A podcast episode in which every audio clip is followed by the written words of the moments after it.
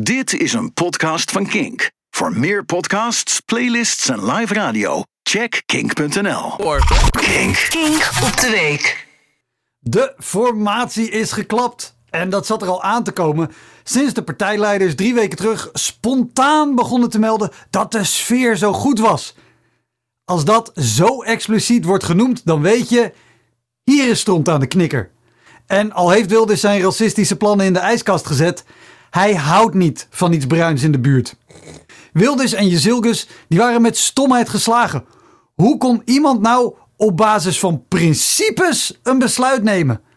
Het was dezelfde verbazing die ik als kind altijd had wanneer iemand uit vrije wil spruitjes kocht. Van der Plas die vond er vast ook iets van, maar ja, die doet letterlijk alleen maar mee voor spek en bonen. Kijk, ze hoort er wel bij, maar een BBB'tje. Dinsdag kregen ze de laatste informatie over de te verwachten financiële tegenvallers. En dat gaf omzicht dezelfde shock als wanneer je na het stappen katerig je saldo bekijkt. Wat positief leek, blijkt hartstikke negatief. En hij besefte dat zijn kabinet probeerde te formeren dat, zelfs als ze zouden kunnen samenwerken, hun beloftes en plannen nooit waar zou kunnen maken. Omzicht trok zich terug op zijn hotelkamer en maakte het vervolgens uit via de groepsapp. Terwijl Geert, Dylan en Caroline alleen maar communiceren via X, het platform dat bekend staat om zijn racistische, seksistische en antisemitische inhoud. En dat zijn alleen nog maar de tweets van Elon Musk. Ik vind het wel verfrissend. Rutte sms'te met zijn oude Nokia over een miljardenbelastingvoordeel voor Unilever en Shell. Maar Omzicht gebruikt gewoon WhatsApp. Ik wil weten, heeft hij er een gifje bij gedaan? Weet je wel, van, van Homer Simpson die achteruit in een struik verdwijnt. Of koos hij voor Obama's mic drop? En hoe reageerde de rest? Met een mind is blown emoticon? Die rode gast uit Inside Out met die vlammen uit zijn hoofd? Of die vrouw die haar koffie uitspuugt? Caroline was blijkbaar zo boos dat ze greep naar een typische boerenreactie. Ze heeft hem geblokkeerd, asbest op haar telefoon gedumpt en daarna de hele boel in de fik gestoken. Uit kabinetsonderhandelingen stappen met een appje.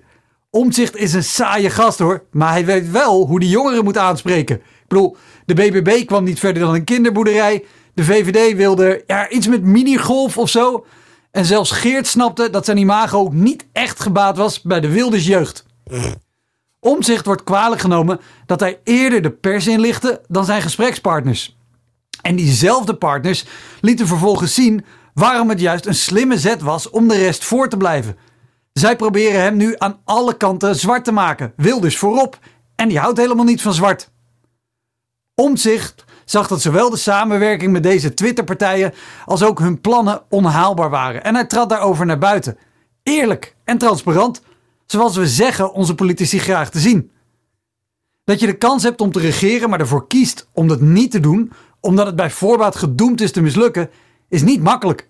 Menig politicus zou uit ijdelheid en machtswellust gewoon doorgaan en dat dan verkopen als landsbelang en verantwoordelijkheid, ook al is het tegenovergestelde het geval. De formatie is geklapt omdat Pieter om zich staat voor zijn idealen. En dat verdient een groot applaus. Bedankt voor het luisteren naar deze Kink podcast. Voor meer podcasts zoals Kink Fast, De Kleedkamer van Joy of More Than a Feeling, check de Kink app of kink.nl.